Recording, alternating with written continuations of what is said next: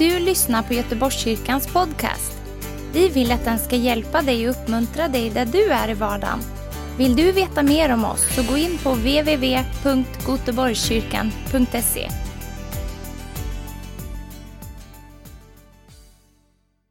Så gott att du är här. Eh, speciellt välkomna till er som eh, har, eh, är här på barnvälsignelse. Det känns så extra roligt att få Eh, folk från olika delar av Sverige, även norra delen av Sverige.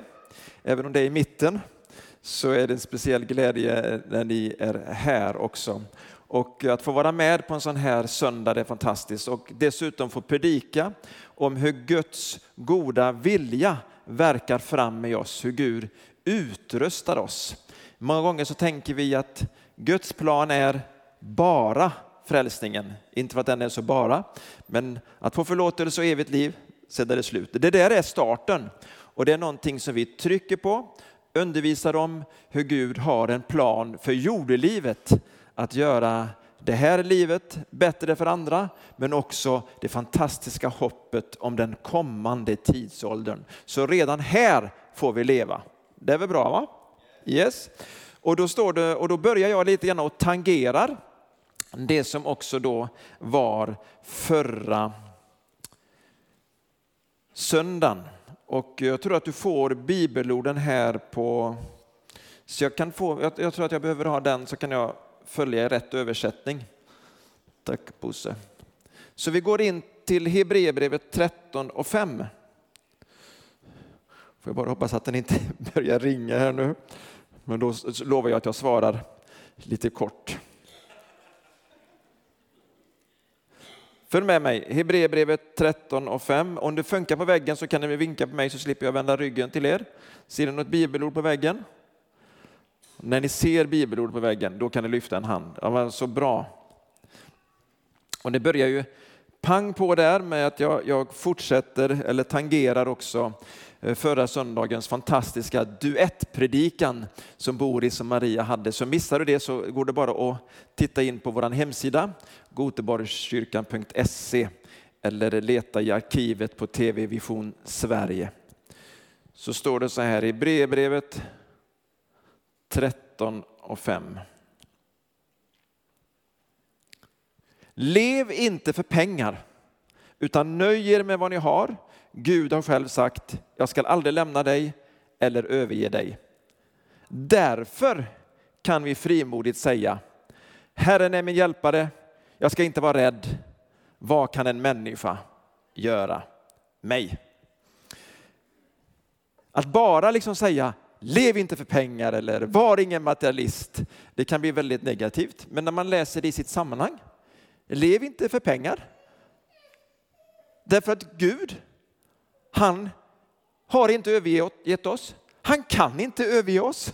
Han vet inte hur man gör. Även om du tycker att han är allsmäktig så vet han inte hur han ska överge oss. Det är så i Guds natur. Han kan inte svika oss. Yeah. Men pengarna kan det.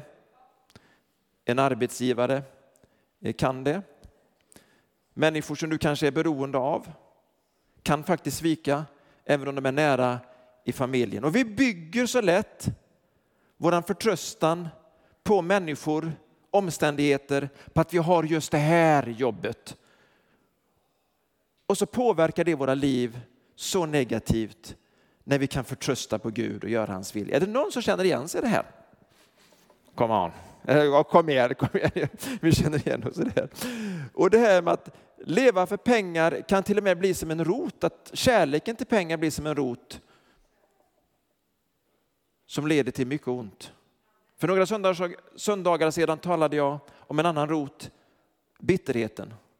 Att inte förlåta, att vara arg på människor, vara arg på Gud, vara arg på livet blir en rot som till slut äter upp oss inifrån. Kärleken till pengar är också en sådan rot. Så när vi lever för pengar så förtröstar vi på fel Gud. Man kallar den här guden för, för mammon och man skojar om det. Men alla känner igen det här när man hamnar i en situation där man måste välja. Man måste göra ett val. Är Gud min försörjare? Eller är det det här jobbet? Är det de här människorna? Vem är det jag ska behaga med mitt liv? Det kommer förändra så mycket. Du som är ung inför den väg du ska välja, du som är mitt i livet eller du som är lite äldre. Det är skönt att kunna säga, du som, du som är 60 plus, det är skönt för mig att säga, du som är 60 plus, att man fortfarande förtröstar på Gud, både för den här tiden men också förstå att han har en kommande tidsålder då han har välsignelser och gottgörelse att ge.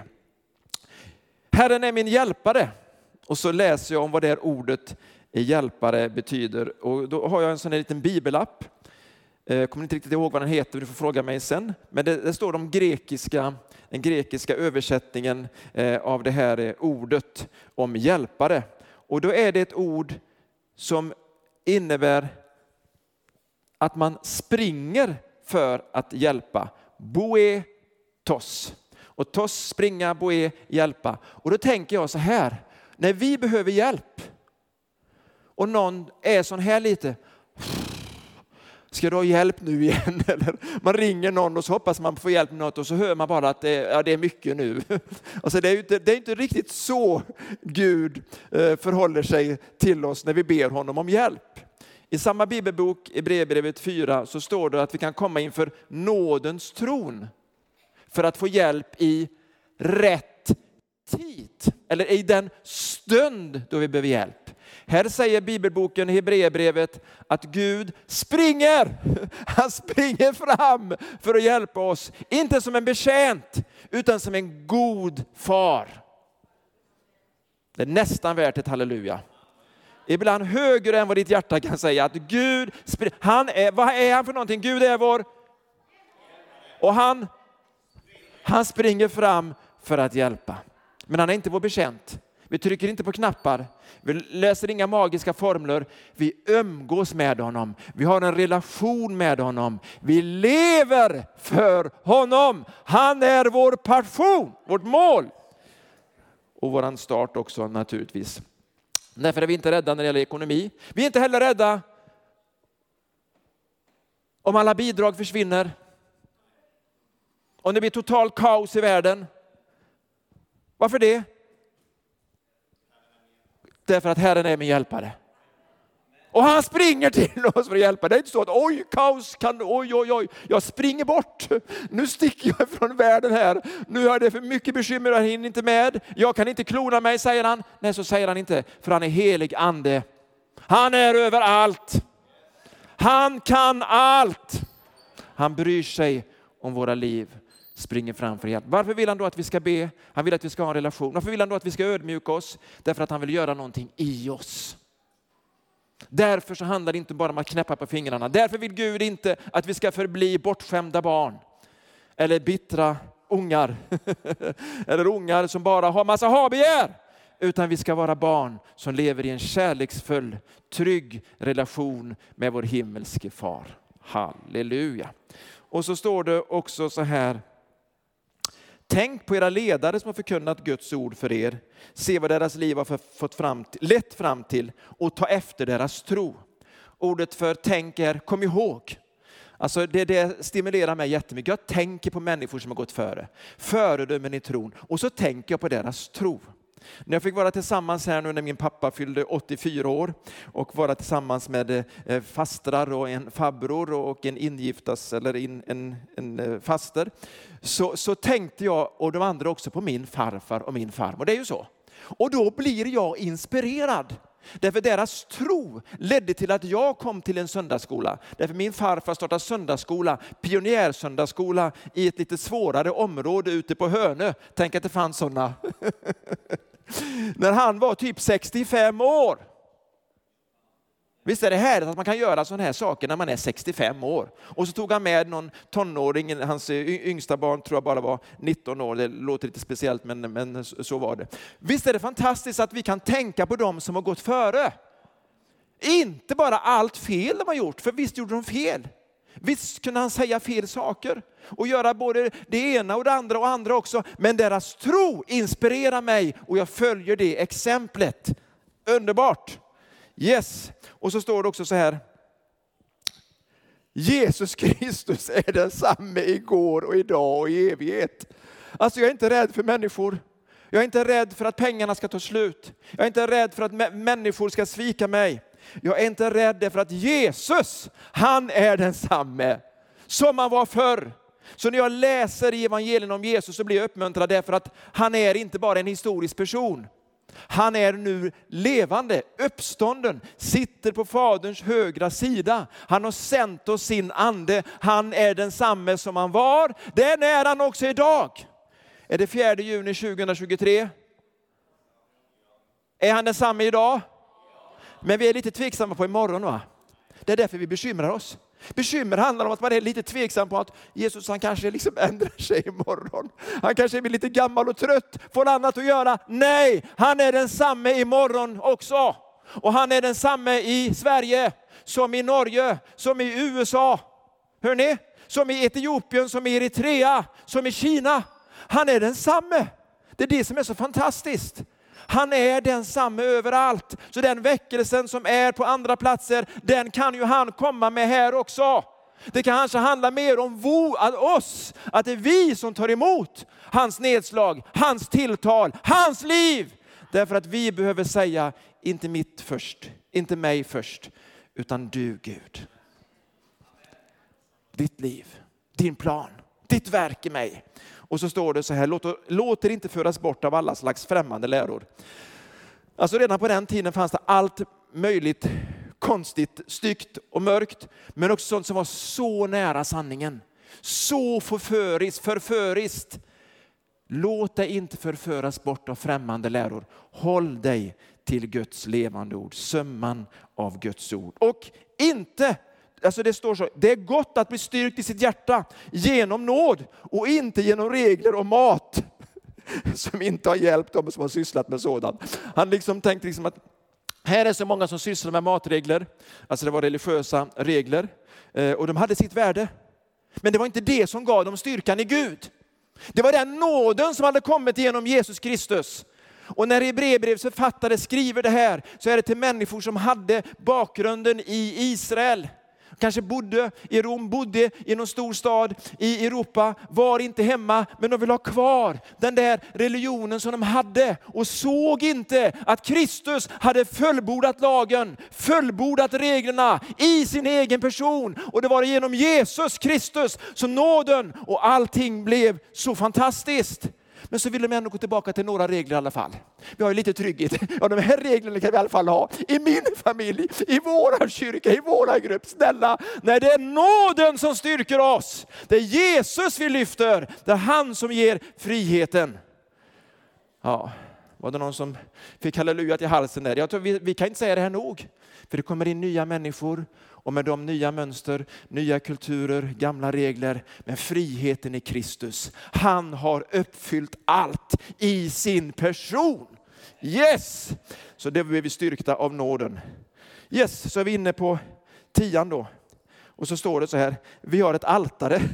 Och så börjar liksom, vad är det för någonting? Varför har ni inget altare i er kyrka? Det är någon som frågar, vad menar du med altaret? Kristus är ju vår kyrka, han är vårt altare. Jag menar det här bordet, då ska det vara lite grejer, var är allt? Och så ska det vara en bibel också. Jag gör inte nära av det. Jag säger bara att den, den delen är inte heligare än någon annan del. Altaret, det är Kristus.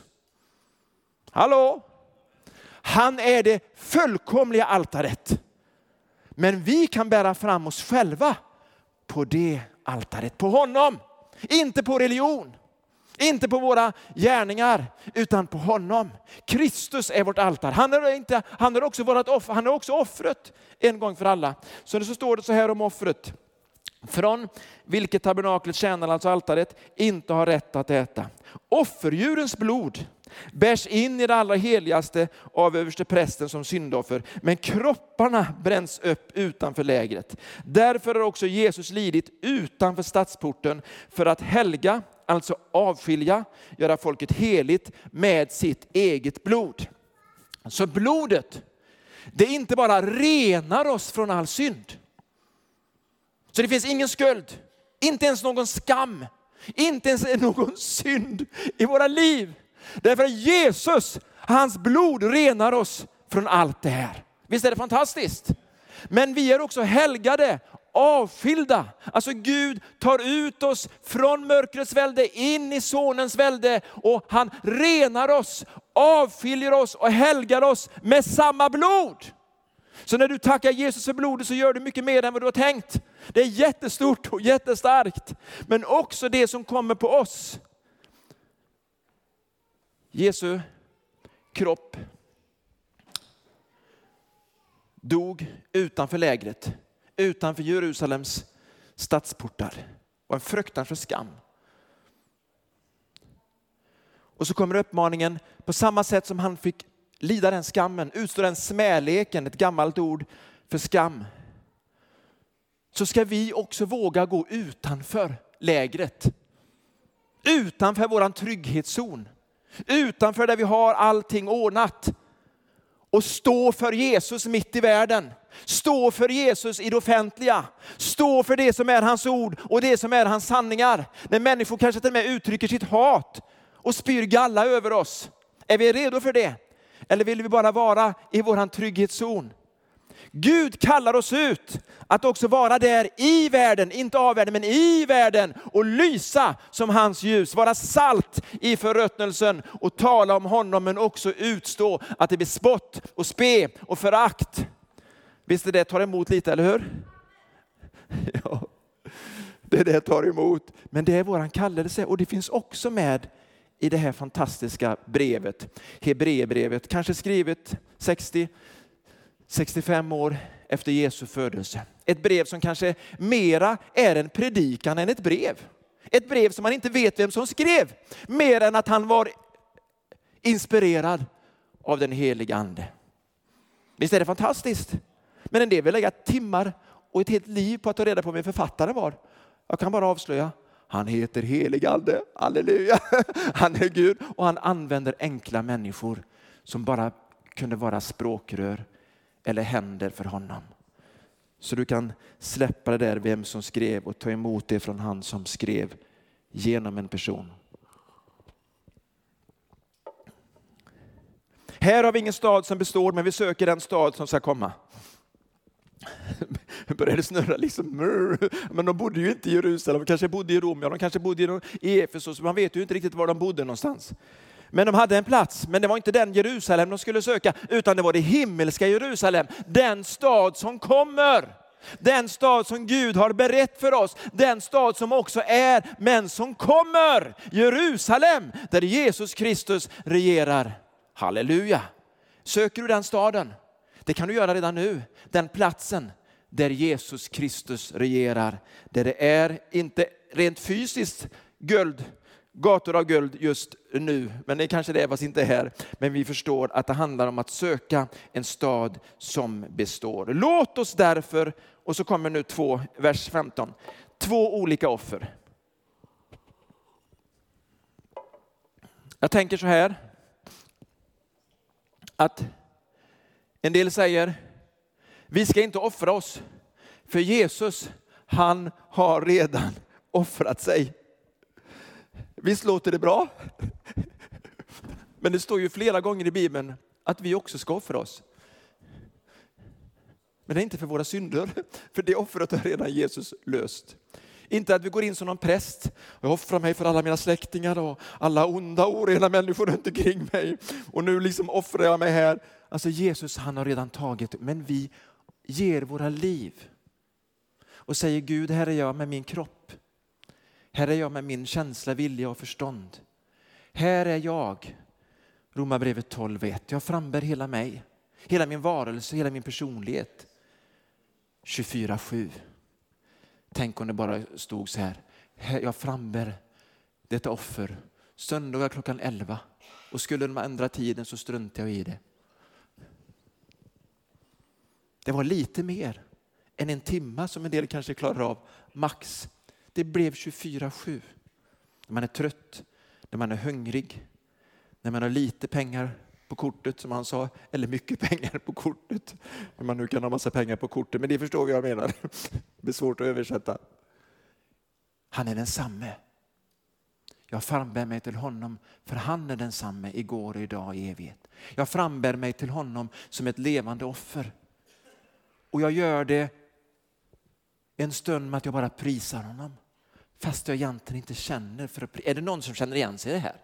Är det någon som nästan tycker nästan det är lite jobbigt ibland att prisa Gud? Är det bara jag? Och Linda? Börje? Är det några mer som tycker kan, Visst, ibland är det jätteofta jobbigt tycker jag att prisa Gud. Man kanske liksom vill göra något annat eller kanske är irriterad. Kanske framförallt om man är arg på någon. Det händer ju inte er. Eller hur? Jag har ju aldrig kört bil i Göteborg. Jag har inte haft barn. Jag har inte haft grannar, man har aldrig varit arg. Därför man lever som en eremit i skogen och bara varit arg på myrorna eller var det myggorna. Man är alltid arg på något. Det är inte så lätt att prisa Gud när man är arg eller när man är ledsen. Eller när man upplever tuffa bitar eller när man blir förtalad. Eller när människor är elaka. Men vi ska göra det ändå. Det är att offra lovets offer. Och vi ska också, som det står här, bekänna. Det står ju så här, ja, låt oss därför ständigt genom honom frambära lovets offer till Gud, en frukt från läppar som prisar hans namn. Och då, ordet för prisa, mer rätt översatt, bekänner hans namn. Det är också ett offer, att bekänna namnet Jesus, bekänna den vi tror på, eller hur? Men det finns också ett annat offer som behagar honom och det är att göra gott, att dela med sig. Och så står det sen, för sådana offer behagar Gud. Inte bara lovprisningen, tacksägelsen, lovsången, de lyfta händerna i alla omständigheter, utan också att vi ger med oss när vi har så pass mycket att vi kan ge. När det bara rullar in i kassan, då kan vi ge. Ja, då kan vi också ge. En del har svårare för att ge när man har mycket, för man vill ha ännu mer. Man har blivit girig. En del har lättare för att ge när man har lite, för man är van vid att ha lite. Och man vet hur det känns för någon annan att ha lite. Därför ger många som har väldigt lite väldigt mycket. Och det var det som Jesus uppmärksammade med den här änkan som gav så mycket i relation till vad hon hade. Glöm inte att göra gott, göra goda gärningar, dela med er, inte bara av överflödet utan också när det är ett offer. Hallå? Visst är det, visst är det en jobbig predikan, men den är ganska nyttig också. Och jag fortsätter här nu, för det slutar inte med det jobbiga. Nu kommer det här ordet så får människor att få, inte krupp kan man inte säga när man har barnfamiljer här, utan eh, ångest och förvirring och panik. Lyd, står det här. Lyd era ledare och rätta er efter dem. Varför det? Jo, de vakar över era själar och skall avlägga räkenskap. Låt dem göra det med glädje och inte sökande. För det skulle inte vara lyckligt för er. Grekiskan säger så här, det skulle inte eh, betala sig. Alltså det lönar sig inte. Olydnad eller att vara obstinat lönar sig inte. Står det så här, lyd era ledare blint, annars får ni stryk. Nej, det står lyd era ledare. Ordet för lyd här är ett ord som betyder låta sig övertygas, följa efter, hålla med men också att göra som ledaren säger. Och så läser jag i den här grekiska fantastiska bibelappen att det står också ett confidence. Visst är det bra? Ja, men ska det finnas confidence i lydandet? Ja, det ska finnas också ett förtroende i lydandet. Halleluja! Där försvann den blinda lydnaden, eller hur? Därför att det har att göra med förtroende för den som leder oss. Men det är vårt eget val. Den som leder ska avlägga räkenskap. Be för oss handlar också om relationen till ledarna. Säger han liksom, först ska det lyda och följa. Be för oss också. men men hallå, vi ska tänka på er och nu ska vi, liksom, vi ska följa er och nu ska vi också be. Ja, därför att det blir mycket bättre. Har du jobbigt med en ledare, eller en förälder, eller en politisk ledare, eller en chef. Testa med att be för människor. Om vi ska be för våra fiender kan vi väl också be för dem som är bra ledare, eller hur? Det är alltid bra. Vi vet att vi har ett gott samvete, säger författaren, och vill göra rätt på alla sätt. Det här är ju ledare med goda motiv. Särskilt vill jag att ni ber att jag snart ska få komma tillbaka till er det var väl en bra bön. En del kanske bara är så gode Gud, låt oss inte, bara, får bara inte komma, vi får bara massa sanningar. Men de bara ville, vi vill ha hit honom. Han som har skrivit det här brevet, vi ber att han ska komma hit. Den som tjänar med Guds ord, vi ber att de ska komma hit. Vi ber för våra ledare, vi ber om beskydd för våra ledare. Vi ber att Gud leder ledarnas hjärtan som han leder konungars hjärtan, som han leder människor. För Guds verk i oss är så starkt. Så nu kommer jag till de här versarna som är liksom huvudversar. Fridens Gud, vers 20, har i kraft av ett evigt förböndsblod fört fårens store herde, vår Herre Jesus, upp ifrån de döda. Alltså, det är mycket Jesus i Hebreerbrevet. Och han är alltid större. Så fort man läser så är han större. Och så har vi, står om änglarna, men så har vi Jesus, han är större. Och så har vi om översteprästen, så har vi Jesus, han är den stora översteprästen. Så läser man om Mose, men så läser man om Jesus, han är större än Mose och så vidare. Och nu så har vi läst om hans blod. Tänker vi på lammets blod. Och plötsligt så är han också herden. Så det är väldigt mycket Jesus. Han är överste prästen och konungen. Han är Guds son och människosonen. Han är lammet som blev slaktat, men han är också herden som gav sitt liv för oss. Säg mycket Jesus! Säg det är mycket Jesus nu. Det är mycket Jesus. Det är mycket Jesus nu. Ja. Det betyder så mycket att förstå att herden, han gav sitt liv för oss. Den store överherden. Fantastiskt. Och så kommer nu huvudversen. Må han, alltså en bön, må han fullkomna er, ett ord som vi sällan använder, samma ord som betyder utrösta. Samma ord som används att apostlar, profeter, evangelister, herdar och lärare ska utrösta de heliga katartiso. Så här står det katartiso som betyder utrösta, alltså skickliggöra, laga, fixa till, rensa, skickliggöra. Gud, han skickliggör oss att göra hans vilja, att göra allt gott. Och må han verkar i oss genom det som behagar honom genom Jesus Kristus. Hans är äran i evigheters evighet. Amen. Hur gör nu Gud allt detta fantastiska? Jag tror att man behöver ha lite bilder för att förstå det här. Och den vanligaste bilden när Gud verkar i oss, som vi brukar använda, som är fantastisk och som jag tror är speciellt för dig.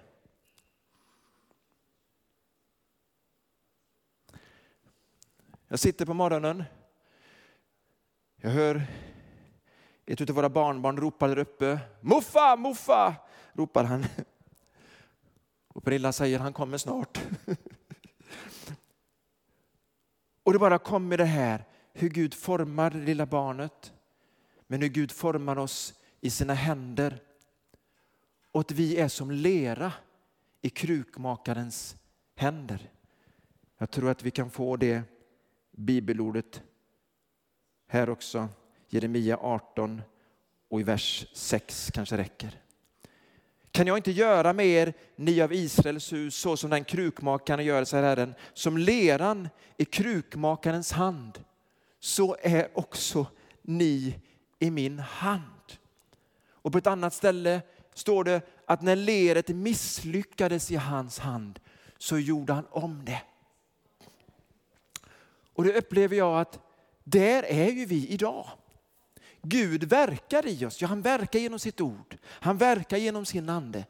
Men i överlåtelsen, i det offer vi gör, är att sätta oss i centrum av drejskivan. Är ni med? Så när jag kommer i centrum av Guds vilja, då kan han forma mig. Och när han får sätta sina händer i mig och trycka och knåda och ta lite mer vatten och rena mig lite mer och knåda mer så är jag i en process som många gånger gör ont och jag kanske ropar som en liten lerklump, aj, aj, aj, nej, nej, nej. Men vi vet att som leret är i krukmakarens hand så måste han också fullborda det som han har gjort. Och så berättade jag här om när jag bakade och när jag gjorde mina första bullar. Och av någon besynnerlig anledning och Guds nåd så svällde bullarna, vad heter det? De jäste. Tack. Ni vet annars kan det bli ganska så platt när, man bakar första gången. Och, så det, och det var så fantastiskt. Men jag tänkte på det när jag gjorde mina degklumpar. Att det är så gott att äta av den här degklumpen, den här söta bulldegen. Liksom, wow, det är så gott. Men så mår man lite illa om man äter för mycket. Någon som känner igen sig i det här? Det är för att det är inte färdigt. Hallå? Det är inte färdigt. För den här klumpen, den ska formas och den ska bli en bulle i ugnen.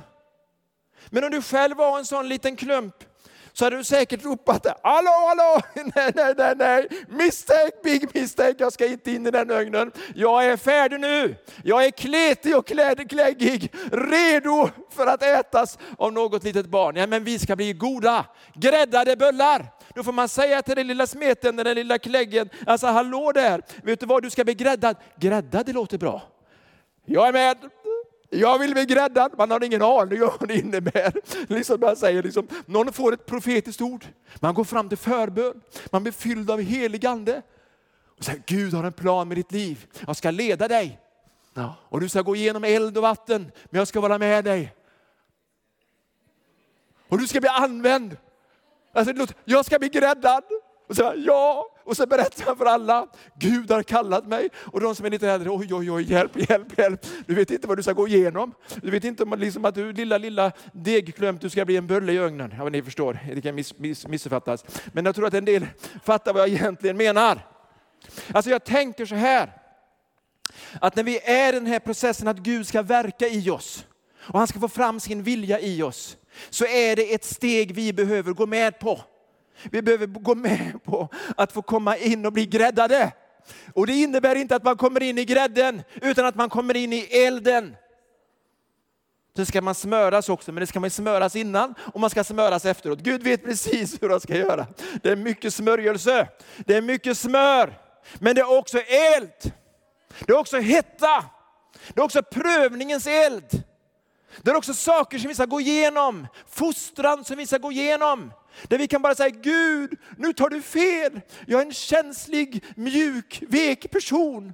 Jag vill förbli en liten kläggig klump med mycket socker på. Men Gud säger, jag har större planer med dig. Du ska bli en bulle i högnen som ska smaka gott och mätta. Du ska bli levande bröd för någon. Du ska bli till välsignelse. Så jag tar dig igenom och formar mig, formar dig efter min vilja och du säger, jag vill bli gräddad, men allt det där andra kan du gärna hoppa över. Ja, men gräddningen, helgelsen, betyder att du blir mer röstad för att göra gott.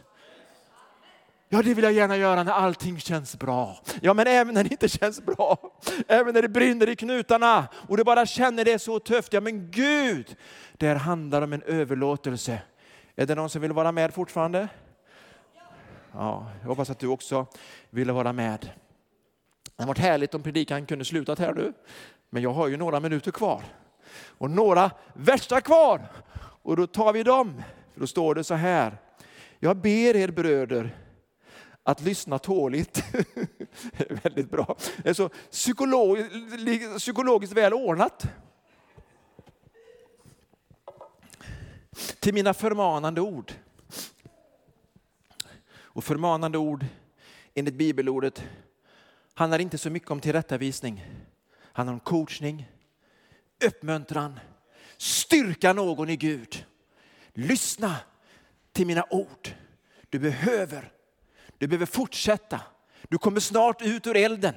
Du blir snart lite penslad och dekorerad och får mera socker. Och du blir snart till välsignelse. Men du ska igenom den här jobbiga processen i ditt liv. Ja, men jag har inte valt dig själv, men jag har utvalt dig och bestämt om dig att bära frukt, frukt som består. Jättegärna säger bullen, jag vill ha aprikossmak. Jag ber er bröder, lyssna tålmodigt, jag har skrivit kortfattat till er. Alltså här, hallå, 13 brev.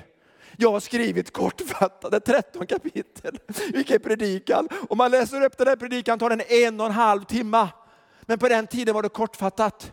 Så lider du nu, du skulle varit med förr. Jag kan berätta för er att vår broder Timoteus har blivit frisläppt. Kom det personliga. Timoteus är fri. Wow, han har varit i fängelse för sin tro. Han kommer snart, jag ska besöka honom tillsammans. Kommer han snart ska jag besöka er tillsammans med honom. Hälsa alla era ledare och alla de heliga. Bröderna från Italien hälsar er. Nåden var med er alla. Fantastisk relation. Jag landar där. Vi har alla relation till en ledare. En förälder, andlig förälder, en pastor, ungdomsledare, kanske någon som var vår första pastor, kanske någon i ett annat land. För er, någon pastor i en annan kyrka. Men så kommer det här varma avslutet. Att vi också ska skicka en hälsning. Och är det någonting som jag skäms för så ofta så är det när någon frågar mig. Jag hörde att han sa att du skulle hälsa till mig. Så har jag glömt att hälsa? Vet du, jag träffar ju så mycket människor och så säger de hälsa till Pernilla eller hälsa till mamma eller hälsa till Boris och Maria. Ibland glömmer, är det bara jag som glömmer sånt? Jag har rätt många, det var nästan den största responsen jag fått på hela decenniet. Därför att vi, för oss betyder det inte så mycket med hälsa till, för det låter som en schablon eller artighetsfras. Men när man sa det här ordet hälsa så betyder det salut eller salutera. Vet, man hälsar eller, eller visar en heder så skjuter man salut. Boom, säger kanonerna. Boom, säger kanonerna. Alltså hälsningen är en hedlig hedersuppmärksamhet till någon. Alltså jag vill hedra den personen. Hälsa till ledarna. De som är här i Italien eller de som är här, de hälsar till er. Så när vi hälsar till någon, eller hälsar på någon, eller som våra fantastiska mötesvärdar gör här i kyrkan, hälsar, så är det så mycket respekt och så mycket värme. Och jag blir så, så fantastiskt glad när även mitt lilla barnbarn får en specifik hälsning utav Gunilla. Det är så härligt. Man liksom det handslag eller det, eh, vad heter det, vad heter inte, känn på den, vad heter den, fist bump och det allt möjligt. Men vi hälsar. Men vi kan också, vi kan också missa det här mellan generationerna och bara hälsa på dem i vår egen generation. Eller bara de från vårt eget land. Men när vi börjar se varandra, salutera varandra och uppmärksamma varandra. Om jag liksom säger till er att Dave Richards hälsar till församlingen. Kändes det bra? För många vet vem han är. Och så wow, jag hedrar honom genom att jag hälsar. Men han hedrar ju också er, eller hur? Men det som ni skulle säga då direkt är, hälsa tillbaka. Är ni med? Hälsa tillbaka. Hur många vill hälsa tillbaka? Ja, tack alla fyra. Förstår ni? Vi är inte så vana vid det här. Det är någonting som vi ska göra mer. Inte bara här, men det är också väldigt viktigt. Man ger en signal till människor som kommer, att man säger, hej, eller ger heder. Eller, alltså kunde inte han komma, hälsa så gott. Ja, så är du sjuk och hälsa till alla er där hemma, sa man förr i tv-studion. Hej alla ni där hemma! Och alla de miljoner hemma känner, wow! Han hälsar till mig. Och så tänker man ju att jag var ju bara fem år på den tiden. En del tänkte att jag var minst 17. Men man, man går på det där, det är något varmt med det här.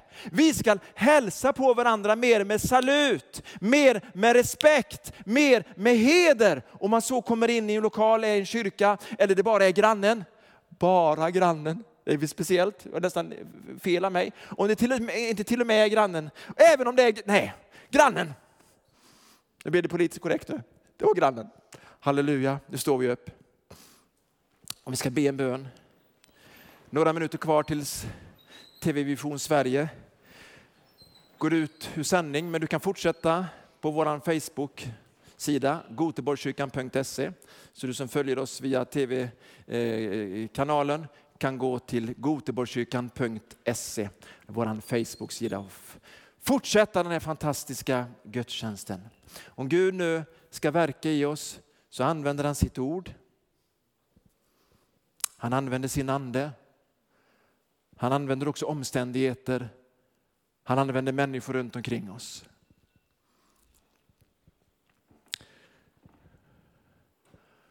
Och jag vet att det här talar till någon speciellt. Att det var, känns som att Gud har misslyckats med leran i din hand. Med, leran, med, med dig som lera, du vet att vi rent fysiskt eller kemimässigt så är vi ju lera, jord. Men i Guds händer så blir vi så mycket mer.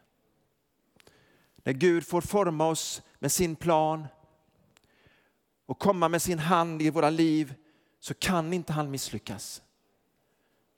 Men vi kan ställa till det, vi kan vara olydiga, vi har fått fri vilja. Vi kan göra vad vi känner för och förlora det som han har tänkt med oss. Eller så kan vi säga Gud gör det på nytt. Gud, jag vill komma in i centrum igen i drejskivan. Gud gör det på nytt.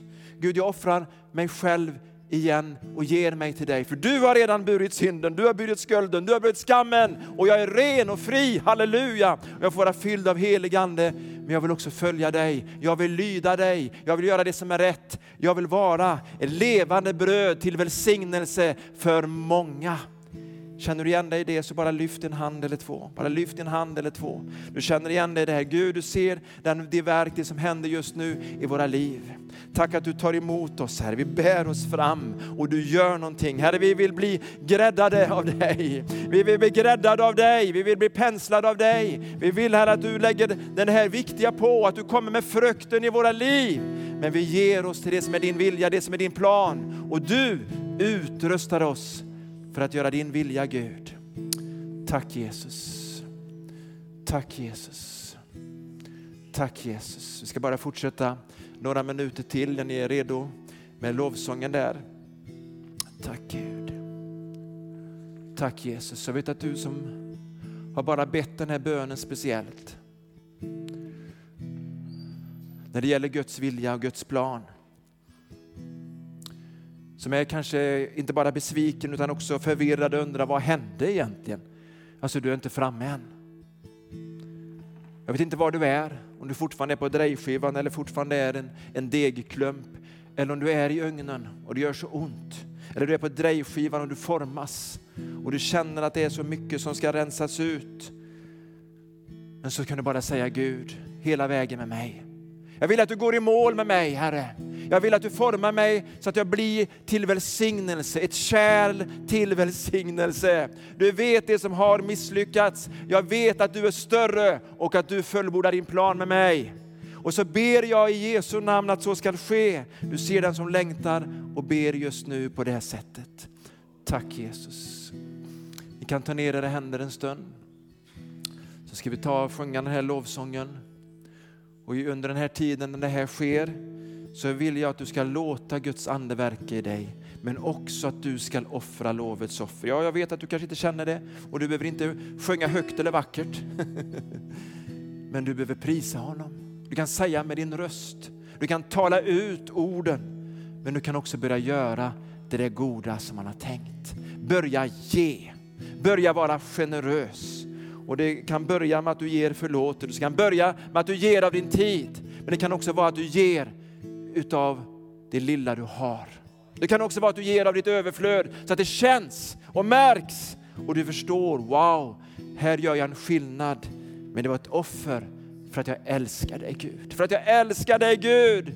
För att jag vill vara en välsignad bölle, en välsignad brödskiva, en välsignad doft av nygräddat bak ifrån Herrens ande, Herrens bord i Jesu namn. Så om detta gäller dig så bara lyft din hand, lyft den högt.